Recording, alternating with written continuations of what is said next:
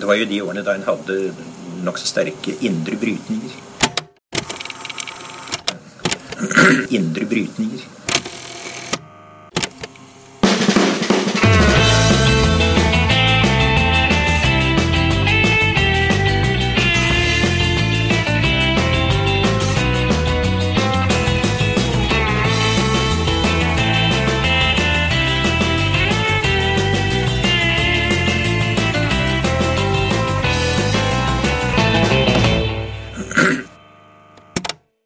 Velkommen til Noen har snakket sammen. Mitt navn er Tiril Rustan Halvorsen.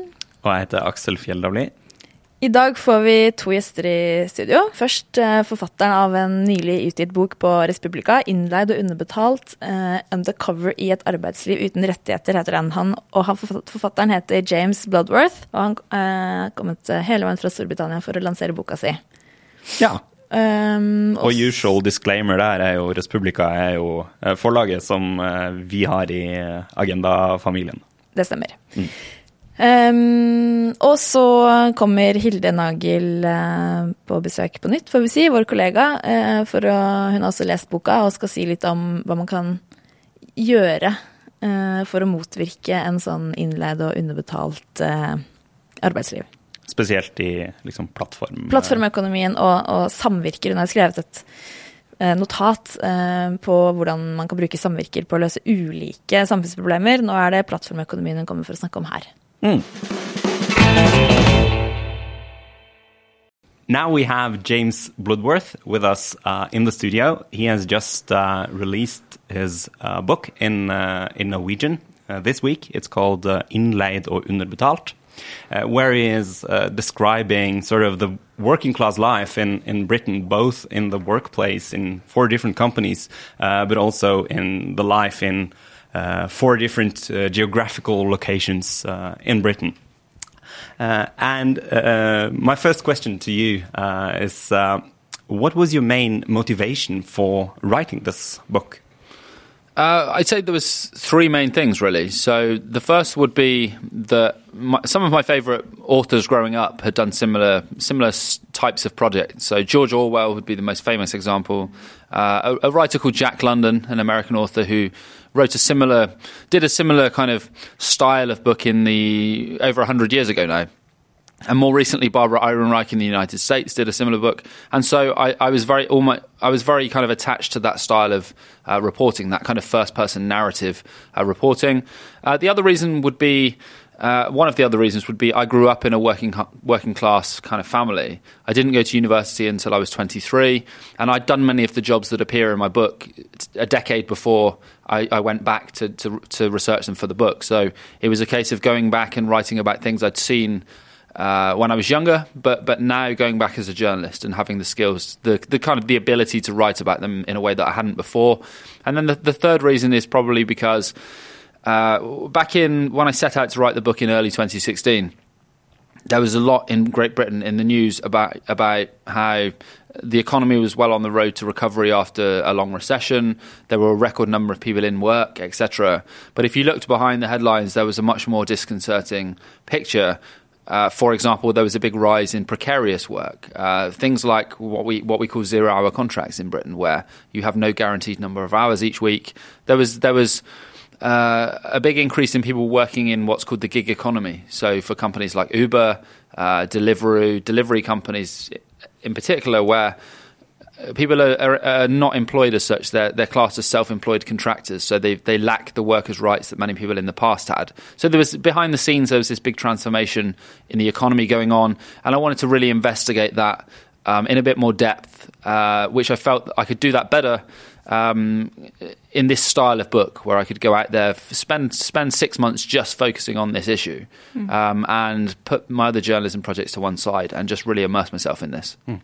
Uh, you, you, mentioned writers like Jack London and, and George Orwell. I, I suppose back in their days, the, the working class life would be a bit different than uh, what you see. You you know the, the stereotype of the working class man working in a mine or working in a factory. But what you describe is not exactly the same as as their lives. Or what's the differences? Well, I mean, yeah, it, it's very different in in many ways. In that I mean, especially Jack London was was doing this in I think 1903. So this is a, you know, there's a world of difference between the East End of London in 1903 and and 2016. Um, but there are also some things which are similar, which is there are some similarities, which is. I would say, uh, and, and, with George Orwell's work as, as well, as like slightly more recently, in that you still have a class of people who, um, a section of the working class which is typically ignored by ignored by mainstream society, a section of the working class which very often is is predominantly migrant labour, so is uh, metaphorically voiceless, but also like literally voiceless mm. in terms of, uh, figuratively voiceless, but also literally voiceless in terms of many of them don't even speak the language. Um, so many of the grievances these people have, you don't actually they they don't you don't often hear about them in, in mainstream news. You don't often hear about them their living conditions in in uh, mainstream kind of newspapers and television shows. So. I suppose what I having what uh, without wishing to compare myself to, to, mm-hmm. to those kind of writers, you, you, that would sound like very conceited. but it's it, I took it as an inspiration that mm. what those writers had done in that uh, I wanted to also give those people a voice as well and go out and um, uh, and live side by side with them and then articulate uh, allow them to articulate in the interviews I did with with those people their their grievances, but also to to articulate to uh, a middle class audience the kind of the sights, the sounds, the smells of that, and the kind of the things you you go through in that world that they may not have considered before. Mm. Because you basically applied for jobs and took the ones you got. So you were working in Amazon at the warehouse uh, as a Uber chauffeur and in um, at a call center and also in a nursery home or something. Nursing home. Nursing well, home. not nursing home. It was. It was. It was. Uh, it was. I wasn't in an actual home, but I was doing care visits to people, people in their yeah. own homes. Yes. But what you actually are describing in your book is whole communities and societies that these people who work in these companies live in, and they are also changing um, in a way because of this kind of precarious work. Yeah. So the the book initially the book started off as as just being a book about work. So it was it started off as being a book about. Uh, I'd go in the the the, the original idea was I envisaged was I would go into these different low pay workplaces, write about the experience in terms of what it was like to live on that wage, uh, what it was like in terms of working for this company, etc. But as the book developed, I realised I had to put th- these jobs into a context, and that mm-hmm. beca- that was first of all, a local context and then a national context, context in terms of uh, socio-economic changes over the past few years, which have resulted in these companies being in these places and these these these situations being as they were. So what I did was when I worked, say, for Amazon, I would work in the Amazon warehouse, but then in my spare time, I would be living in this community amongst local people and amongst other people who worked at Amazon. So it also became important to tell the story of the local community because you have to put this stuff in a in a context. So you have this Amazon warehouse in a town, but then I also wanted to know then what people in the local community felt about the working conditions at the Amazon warehouse, whether they worked there themselves, whether they hmm. had friends and family who worked there, what existed before the Amazon warehouse, what it had replaced, and I, am really glad I did do this because as the I set out to write the book early 2016, but then since 2016, throughout 2016, there were a series of political backlashes in Britain through the Brexit vote, in the United States through the rise of Donald Trump, and some of this is is attributable to the resentment felt in these kind of working class communities that what's happened to their communities over recent decades, the replacement of old industrial jobs where you, you know, not necessarily the most pleasant jobs, but where you had institutions like trade unions, where you had stability, where you could have a job for life. The replacement of these jobs with much a much more precarious um, and insecure style of work, which is often poorly paid, but where also uh, there's it's very hard to kind of s- support a family. It's very hard to to maintain a stable uh, mode of living, if you like, um, and and that creates a great deal of insecurity and alienation and resentment. And we've seen the political backlash from that. So it was important to put these jobs in a context. Mm. Uh, uh, can you just to to make it more like graphical to to to us? Um, you know, most people in Norway would have ordered a book or something from Amazon uh, at one point.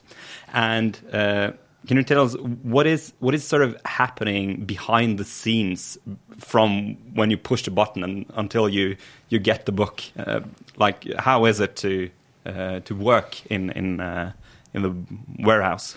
Well, I mean, I was um, the, I, I wouldn't be able to tell the story of the entire process because I was in the the distribution side. So I was in a distribution warehouse.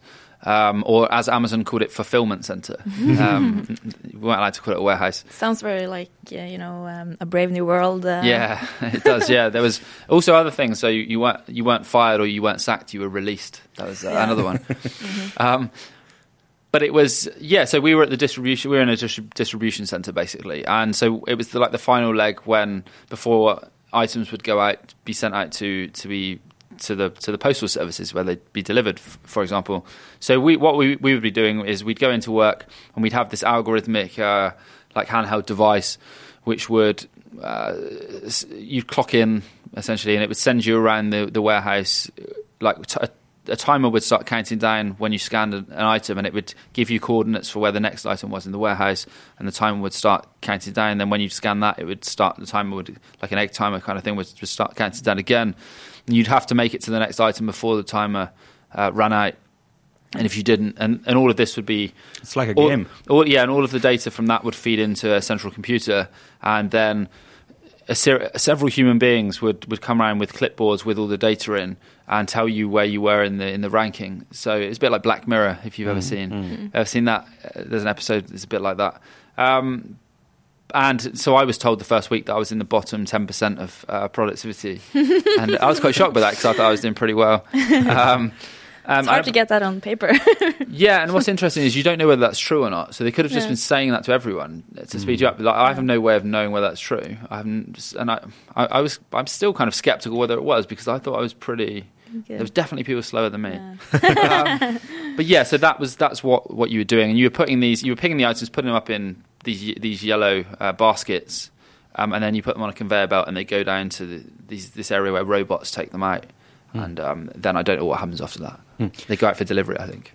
It, it strikes me from sort of a, a analytical point of view uh, what you are describing at Amazon, but but also in uh, the other work, workplaces is um, what the sociologist uh, John Goldthorpe describes as sort of the, the characteristics of the wor- working class job, uh, because you have a lack of freedom, you have a lot of control mechanisms, you have surveillance, and you you are just put in a position where you just are asked to do specific tasks, and then you go back to your uh, your boss and then get new tasks. And now the, the boss is the algorithm. Yeah, I mean, the, the boss is is kind of the algorithm, but at the same time, there are human beings that program things into the algorithm. So all the alg- algorithm is doing is learning from pro- from pre-programmed instructions, which are set down by someone at Amazon at some point. Um, it, it, it's certainly true in that the job completely lacks any kind of autonomy. So you're simply directed around. Uh, you you effectively have to ask to use the toilet as well because you, if you you had to, in this warehouse. It was the size of ten football pitches. It was as they would boast all the time. It was like four four floors high, and I was walking, working on the fourth floor. And there were only two toilets, and they're on the bottom floor, and you have to go through airport style security to to reach them each time. And uh, you're being given disciplinaries if you take too long going to the toilet and stuff. So you're having to ask even for this. You're being kind of having to empty your wallet every time you go to the bathroom and things like this. Um, so it's not just you lack autonomy, but it's also slightly like on a on a kind of low level. There's a low level of humiliation um, throughout the kind of work day where you feel like you're under a kind of cloud of suspicion, even when you're not doing anything wrong, um, which is a, a peculiar. Uh, climate really to to work in is a it, it's a peculiar way to way to have to live and work. and, and that's is, is a horrible uh, conditions to work under. But also, what I started thought about think about when I read, especially about your stay at uh, the Amazon, uh, when you don't get uh, written contracts and the places you lived and um, all the surveillance. Actually, H- how legal is this? Yeah, no, it's it's um so at Amazon we were we were we we weren't I, I suppose some people were given contracts, but I I wasn't given a contract when I started. And so I asked for I wanted a contract because I'm obviously I'm writing about it undercover, so I want want to actually see what it says in the contract. But they refused to give me a contract, the agency, um, and they said they lied about it and said that it was there was no contract because I was on a zero hours contract, as if that meant there wouldn't be a paper contract. But that's not just flatly not true. Uh, but they didn't know I know this, so they tried to essentially uh, fob me off, as, as the expression goes, fob me off uh, and pretend that uh, this wasn't a contract wasn't something I would normally receive for that, which was untrue. So I never did receive a contract. So uh, I wasn't aware of what my rights were in the workplace. Um, well, I was because I was an undercover journalist, but the typical person wouldn't be aware of necessarily what their rights were in the workplace, and that's especially disconcerting when so many of the workers were not even from the UK in the first place. So it's especially important to communicate what their rights are in the country and in a workplace in the country. So that was that was the first kind of red flag, as it were, when I started that maybe something is is is amiss here. Maybe this is um, not going to be the best place to uh, to work if they won't even give me a contract. I mean, what are they trying to hide? Yeah, I'm just asking because uh, in, even in Norway, there's a debate going on about poor working conditions, and there's a, two separate two things that's uh, pure criminal conditions and more like uh, they are taking advantage of the workers. Um, and if something is not legally in Norway, we have authorities that can come in and shut the place down or whatever. Um, did you experience any of that, or how is the legality of what Amazon is doing? I mean, yeah, to be honest, I, I didn't experience any kind of um, pushback against Amazon specifically on the part of uh, the law, I guess, on the part of enforcement, law, like HMR, like revenue and customs is who enforces it in the UK, mm. enforces these laws. Um, I, I mean, I, there's been more, there's been more noise from go- the British government in general about cracking down on uh, work, malpractice in the workplace from from employers. But when I was working at Amazon, it didn't feel like there was any kind of action that would be taken against some of these companies for, for what was going on funnily enough, but since the book's come out and since there's been just more broadly publicity against Amazon, now you, there's been more pressure put on uh, the company. I mean, I did some work with Bernie Sanders back in uh, back in the summer, last summer. We did we made some videos, and then he did a campaign. And so th- th- there are politicians in the in the United States and in Britain who've uh, who've kind of started to take on the kind of corporate culture at Amazon, mm. if you like, and that I feel that that has had some impact on Amazon's behaviour because then they increased their minimum wage in the UK and in the United States. Uh, Jeff Bezos has been on this kind of publicity PR campaign to to make it, to improve his image, mm. and this is this is a result of of like a collective effort by us, me with the book, the trade unions, by politicians like Bernie Sanders, who've been constantly by trade unions in Europe who've who've been campaigning against some of the things going on in at Amazon it's a result of a grassroots thing. It's not been led by politicians, and it's really it's not been led by government certainly, um, who've been who've taken their eye off the ball. It's been led by grassroots campaigns um, who've then put pressure and shamed the company into actually uh, treating their staff better. Hmm. Hmm. Um, among those uh, four companies you work for, um, three of them, in, in in my view, sort of is um, they're they could have existed 30 year, years ago, 40 years ago. Uh, you could have had a, a, large storehouse where workers were carrying things around, and you could have had uh, like a company like CareWatch or a call center. But Uber sort of is the, the odd one out, and you describe sort of in the book starting to work there sort of as a um, you got this feeling of a freedom because you didn't have like a boss. Uh, do do you agree that Uber is like very different from the these other three companies or? Yes i mean there's there's a sense of the only kind of real sense of freedom that you did have with uber although it was real was you just didn't have to turn the phone app on if you didn't want to work. So you could it's not like in a normal company if, if your boss phones you like in the morning you can't just not pick the phone up or you, you lose your job. At the same time though uh, as soon as you did turn turn the phone app on you were very tightly controlled and monitored by uber. So flexibility was very genuine flexibility, which Uber talks about a great deal in terms of encouraging people to work for the company, being your own boss, etc. It was very, it was in practice very limited. I mean, during our induction for Uber, because you have an induction before you go out on the road, we were told that you can't pick and choose what jobs you do. Uh, if Uber sends you a job, you have to do it. You were monitored a great deal in terms of the star ratings, and if your average fell, your your average rating fell below 4.7 stars, you would be uh, invited into the office for basically a dressing down. And if you carried on, it carry, if, it, if it remained bef- below 4.7 stars, you, there would be a temporary ban on you using the app, or a permanent ban potentially put in place. So you'd be fired, basically. Mm. Um, and you were even told what you could talk about in the back with the passenger in the back of your car. So you weren't weren't allowed to talk about polit- politics, religion, or sport with your passenger. Which, as a cab driver, it's like they're only thing they're the only things you typically can talk. You do talk about. Um, so yeah, I mean, if that was in a standard kind of uh, employee employer relationship, that would be maybe unsurprising. But this was a situation where you were supposed to be self employed and you'd lost your right to a minimum wage to holiday pay and sick pay on the basis that you had freedom and autonomy and you were a, your own boss and you were self-employed. Yet in practice, you were treated just like uh, an employee. And in practice, the person in the back of your car didn't feel like they felt like they were Uber's customer, not your customer. Mm.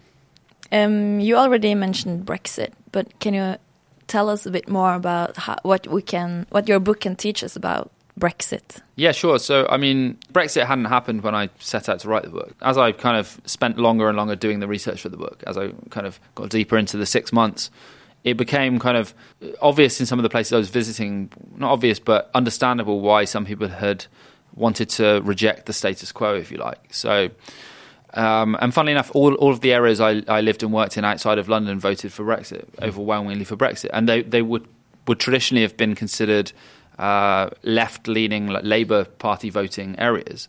Yet they voted for Brexit because there were obviously the, the traditional reasons that people voted for Brexit that they just didn't like immigration or ge- a general kind of reactionary anti-European sentiment. But there were also many people who uh, felt that like their communities, understandably in many ways, had got worse over the past uh, 30 or 40 years. Even jobs like in, in industries such as coal mining, which is very dangerous and uh, high risk job where people die underground and things like this. People felt like, at least with those jobs, you had a stability, you had a job for life, you had a decent wage, you weren't going to be fired for going to the toilet because the trade union would go out on strike if something like that, ha- that happened. And also a different kind of pride than some of those jobs that you describe. Yeah, so there was an identity attached to the work as well. So um, one one a former collier in Rugeley called Alex, he said to me that uh, during the research for the book, he said to me that uh, he'd see people around Rugeley, the town of Rugeley, and they would say, "I only work at Amazon." And he said, "I'd never say I'm only a collier because that's what you were, and you were proud of it." And I, that quote really, that thing, thing really stuck with me um, when he said that because it's also about identity as well. Um, you know, identity can be empowering or disempowering, mm-hmm. and it's how you, you know identity is something which how you relate to other people and how you see your place in the world, and jobs such as in the in the, the old like steelworks in South Wales, in some of the coal mines, in those kind of manufacturing jobs, uh, you, the the identity attached to them for a working class person could still be quite an empowering identity. Um, it wasn't something with shame necessarily attached to it. Whereas if in the Amazon warehouse, it was it was something quite different. It didn't feel like you had an empowering identity. It felt like you were just being treated like essentially like dirt. Mm-hmm. And um, yeah, it, it, did. It didn't feel like um, there was any kind of anything. Anything. You didn't have any autonomy. There was nothing empowering about that. Mm. Um, and uh, this is this is a situation for many people that's that's very empowering. It's not just the material poverty of that job; it's the lack of dignity, the lack of self respect that goes with that. Mm, mm, mm. Uh, we are running out of time, so um, I guess uh, I can say thank you for, for coming here and, and telling these um, stories from from working class uh, Britain. Thank you for having me on. Yeah, and um, I'll encourage everyone to uh, read the book as well. Ja, nå, nå, har vi snakket med James Bloodworth, som har skrevet denne boka om um, prekært arbeid og ja, innleid og underbetalt, som boka heter, i Storbritannia. Uh, og mye av det som virker som utfordringen eller problemet og årsaken til at det har blitt sånn som det har blitt, er jo at det ikke er noe særlig motmakt til arbeidsgiverne og de store selskapene. Uh, og for oss i Norge så er jo fagorganisering en veldig sånn åpenbart uh, eksempel på hva man kan gjøre med det. Men Hilde Nagel, som er vår kollega i Tankesmien Agenda, du har jo skrevet en del om, om samvirker, og du har tidligere også vært der og snakket om arbeidereide bedrifter. Men nå tenkte vi at vi skulle høre litt med deg om plattformøkonomien og hvordan man kan drive samvirker der. For han har jo bl.a. jobbet med Uber, eh, James. Hva er det du har tenkt når du har eh, lest boka om Uber, f.eks.? Ja, altså den arbeidsvirkeligheten som beskrives der, det er jo ikke noe noen av oss eh, ønsker seg, tror jeg. Det er nærmest en definisjonen på en, en ufri arbeidssituasjon på alle måter. Nå er det kanskje litt viktig å huske på at i Norge så er plattformøkonomi gudskjelov et eh, relativt sånn lite fenomen. Eh, Fafo har gjort en undersøkelse på det, og sier at omkring 1 jobber i en type plattformer. Så, og da tenker du ikke på delingsøkonomi, bare nei, at vi får rydda nei, unna ikke. det? Og det er liksom viktig skille, ikke sant. Fordi man tenker på delingsøkonomi, så tenker man på alle de nye måtene som man har mulighet til å dele på nå med, eh, med plattform, altså med en, en app, da. Mm. Uh, og det er jo et, i stor grad et veldig positivt fenomen, og noe som det har blitt mer av, som vi også vil ønske mer velkommen. Men plattformøkonomi er jo da at man gjennom plattformen tilbyr tjenester som noen da på den andre siden betaler for. Og at det er et plattformselskap i midten som tar en rente for at denne utvekslingen foregår. Så det er en markedsplass for også da arbeidskraft. Og det er jo typisk uh, Uber-eksempelet. Men det Fafo også finner i sin rapport, uh, eller sier, er at dette kan også smitte over på, måte, på vanlige Eh, bedrifters måte å organisere arbeidet sitt på, ved at det blir mer sånn on demand, at det er lettere å koble sammen eh, arbeidskraft med en oppgave. Som kan gi noe av de samme problemene også kanskje i sånn tradisjonelle eh, bedrifter og virksomheter. Da.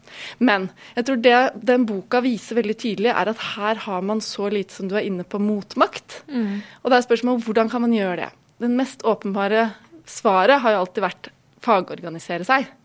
Så fagbevegelsen tenker jeg har en veldig viktig oppgave her. Å se til denne type arbeid og denne type hva skal jeg si, Det er jo ikke engang ansettelsesforhold ofte, men eh, denne type arbeidsfolk og, og, hva de utsettes for. Og kanskje ta en litt sånn tydeligere rolle der. Og det kan de gjøre på flere måter. Det kan man jo enten gjøre ved at, man, at, de tilbyr medlemskap, og på den måten organiserer dem opp i de tradisjonelle fagforeningene. Fagbevegelsen støtter streiker f.eks., eller støtter aksjoner. Stiller sine ressurser tilgjengelig for en type organisering av eh, disse interessene. Og det kan f.eks. være da at de, det finnes noe som heter Fair Work, som er eh, en, en, app som gir en oversikt over og rater plattform, plattformselskapene ut fra hvordan de gjør det på en del eh, områder, som hvordan arbeidsbetingelsene er. Og... Slår man tilbake med samme våpen, da? Ja, egentlig. ikke sant? Sånn at det er å bruke plattformen positivt, da, eller bruke mm. den teknologien positivt. Mm. Men så var du inne på, Tiril, at det er noe som Det går jo an å tenke enda mer radikalt. Det går an å tenke på at kanskje det, eh, arbeidsfolk skal eie plattformen selv. For det er jo noe veldig rart ved at det skal sitte noen eiere og ta en rente, og egentlig ikke delta i virksomheten heller, men tjene masse penger på plattformen. Det burde jo egentlig være de som utfører arbeidet, som også på en måte får fortjenesten av det. Og sånn som det er eh, nå, så er det ikke, burde det ikke være Det er ikke altfor store sånn startkostnader ved å kunne organisere seg selv da, på en sånn plattform. Og det har du sett en del eksempler på Eh, spesielt innenfor taxinæringen. Det er ikke så overraskende, for der har jo konkurransen fra Uber vært eh, så massiv, og utfordringene så synlige. Så du har f.eks. noe som heter eh, Green Taxi eh, Initiative i Denver, som har blitt ganske stort. Som er et samvirke, rett og slett, mm. av taxisjåfører. Som var lei av å jobbe på den måten som den boka 'Innleide og underbetalte' skriver om. Så da har de eh, gått sammen, eh, startet sin egen app, og som du sier, ikke nødvendigvis så kapitalkrevende å lage en app. Eh, og så organiserer de seg selv og bestemmer over sin egen arbeidstid og arbeidslønn eh, over gjennom den appen. Ja, og her har de faktisk også fått støtte av fagforeningen til mm. å eh, komme i gang. Sånn at, eh, Økonomisk støtte?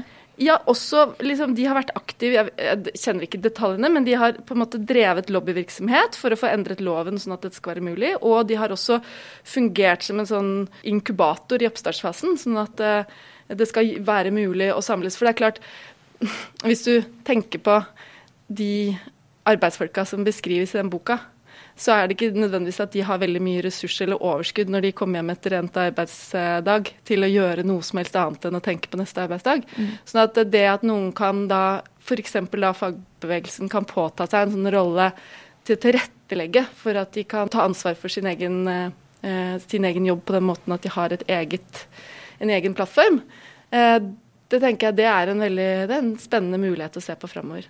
Og det er også et eksempel på at, at, man har tenkt at man skal på en eller annen måte ha en sånn sertifisering av f.eks. taxiplattformselskaper ut fra om de følger om de, om de, er OK mot arbeidsfolka sine, og om de og, og der er det kommet et initiativ også til en sånn en global liksom, nettverk av sånne småselskaper som alle som sier de, vi er sertifisert på den og den måten, vi følger de og de kvalitetskravene. Og hvis du, hvis du, hvis du kjenner til det i Oslo f.eks., mm. og reiser til London, så skal du kunne finne igjen Å ja, der er den appen som har akkurat den samme. Mm. Så kan det lokalt drevet osv., men at man da okay. har et sånn kvalitetsstempel. Og det er ikke eh. eid av noen jeg eh, håper å si, kapitalister i New York? Nei, det er det ikke. Nei, det er jo interessant. Dette blir jo litt sånn, det har vi jo snakka om før, det blir jo nesten en sånn kapitalisme uten kapital. da. Eh, det er jo eh, et mye mindre behov for penger her. Du trenger ikke å eie en fabrikk på en måte for å få ting til å gå rundt, du trenger bare en app. Så det endrer jo spillebrettet litt. da. Ja, og når vi nå ser at ikke, altså, Plattformøkonomien har jo da ikke spredt seg så mye som man eh, kanskje trodde i Norge, men det er ikke noen grunn til å tro at den måten å organisere arbeids på en måte oppgave på, vil forsvinne. Og da, dette er en sånn veldig en konstruktiv måte å tenke at ja, men da kan vi godta det, men samtidig få det inn i litt sånn regulerte former hvor eh, det stilles eh, Hvor det er mulig å organisere seg, for det første. Og hvor det stilles krav til arbeidsbetingelser, og hvor den som jobber selv, får en større grad av kontroll over arbeidshverdagen sin og betingelsene sine. Så tenker at det er mye muligheter eh, der framover. For teknologien er der. Den kan også brukes positivt på den måten. Ja, men uh, tusen takk, Hilde. Dette var, dette var interessant. Her, her, er det jo sånn som du sier, det, mange av løsningene her er jo ganske tradisjonelle med liksom, fagorganisering og motmakt. Men uh, den nye økonomien betyr også at vi må tenke nytt om en del ting. Ja, og det er en stor utfordring, ikke minst for eh, den tradisjonelle fagbevegelsen, å kunne ta tak i noen av disse mulighetene. Ja, Send den utfordringa videre. ja, eh, bare før Hilde løp ut eh, døra her, så kom hun med en liten presisering. Ja, eh, hun eh, kom eh, til skade for å si at eh, 1 av de i arbeidsfør alder hadde Eller jobba i plattformøkonomien. Det er ikke helt riktig. Det er 1% som har utført arbeid i plattformøkonomien. Så det betyr at eh, det er 1% som har vært innom og gjort et eller annet oppdrag eller et eller annet sånt. Leiligheten på Airbnb. Ja, ikke sant. Eh, sånne ting. Men ikke nødvendigvis har det som sin fremste geskjeft her i livet. Nei. Mm. Så det er ikke meningen å overdrive problemet i Norge, men likevel. Ja. Ja. Verdt å snakke om. Ja. ja rett skal være rett. Um, ja, da kjører vi bare på med anbefalingene før vi sier takk for i dag. Det gjør vi. Uh, jeg har lyst til å anbefale en uh, Dette er kanskje litt for uh, spesielt interesserte, uh, men jeg syns det er et interessant poeng likevel. Det er et foredrag av en britisk valgforsker som heter Ben Ansell, som har et foredrag som heter 'Wealth Inequality in Political Perspective', som, som ligger på YouTube. og poenget hans der er, er, interessant, selv om man ikke nødvendigvis ser hele foredraget, og det er det at boligulikhet forklare en del rundt hvorfor folk stemmer på brexit, eh, høyrepopulisme, på eh, Trump, ikke sant? Fordi at eh, når, når, det er store ulikheter i boligmarkedet, så er det noen som ikke har anledning til å flytte rundt, mens noen har anledning til å flytte rundt. Og Det betyr at man får en annen form for attachment til eh, det lokale og til eh, kulturelle spørsmål. Da. Eh, og det, dette er jo en litt ny eh, tilnærming til, eh, til dette, da. Det vanlige har jo vært å, å snakke om at vi har en høyre-venstre-akse i politikken, og så har vi en eh, kulturell akse som er noe helt annet. Mm. Men dette er jo en tilnærming som sier at i hvert fall noe av det som tilsynelatende handler om kultur, handler også litt om penger. Så det er jo eh, eh, interessant å ta med seg. Vi skal linke den eh, videoen også i den saken her når vi deler på, Det kan være. på interwebs. Enn du, har du noen anbefaling også? Eh, Ja, det handler litt om penger, det òg. Alltid. Alltid litt om penger. Det har jo vært eh, denne World Economic Forum-samlingen i Davos. Denne rikmannsgjengen som samles. Og i år igjen så er de veldig bekymret for både økende ulikhet og eh, klimakrise og det ene med det andre. Um, uten at noe egentlig ser ut til å, å skje, da. Det er ikke så mye forbedring å, å skue selv etter utallige Davos-konferanser. Men det jeg skulle anbefale, er um, en um, Fordi på scenen i Davos så var det en fyr som heter Rutger Bregman, som um, også har gitt ut uh, Eller boka hans er også gitt ut på Respublika, som heter 'Utopia for realister'. Du har intervjua han, har du ikke det? Eh, jo, han var på et agendamøte, så det kan dere sikkert se på eh, YouTube også. Men eh, dette er også et klipp som eh, dere kan finne på hans Facebook-side, hvor han eh, er veldig oppgitt over at ingen i Davos snakker om det som på en måte er det åpenbare eksempelet. Han sammenligner det med at det var på en en konferanse for eh, brannmenn, og ingen snakket om vann. Og det er nemlig skatt. Eh, alle disse rike menneskene er veldig opptatt av å gjøre do good og være filantroper og samle inn penger og masse greier, men ingen snakker om skatt. Og det syns jeg var et veldig eh, viktig og riktig påpekning fra Bregman, selv om han sier at han kommer sikkert aldri til å bli invitert tilbake til Davos. Pay your taxes. Eh, ja, så det finner du på hans eh, Facebook- og Twitter-konto, i hvert fall. Anbefales. OK. Eh, da, da snakkes vi neste uke. Det gjør vi. Ha det. godt.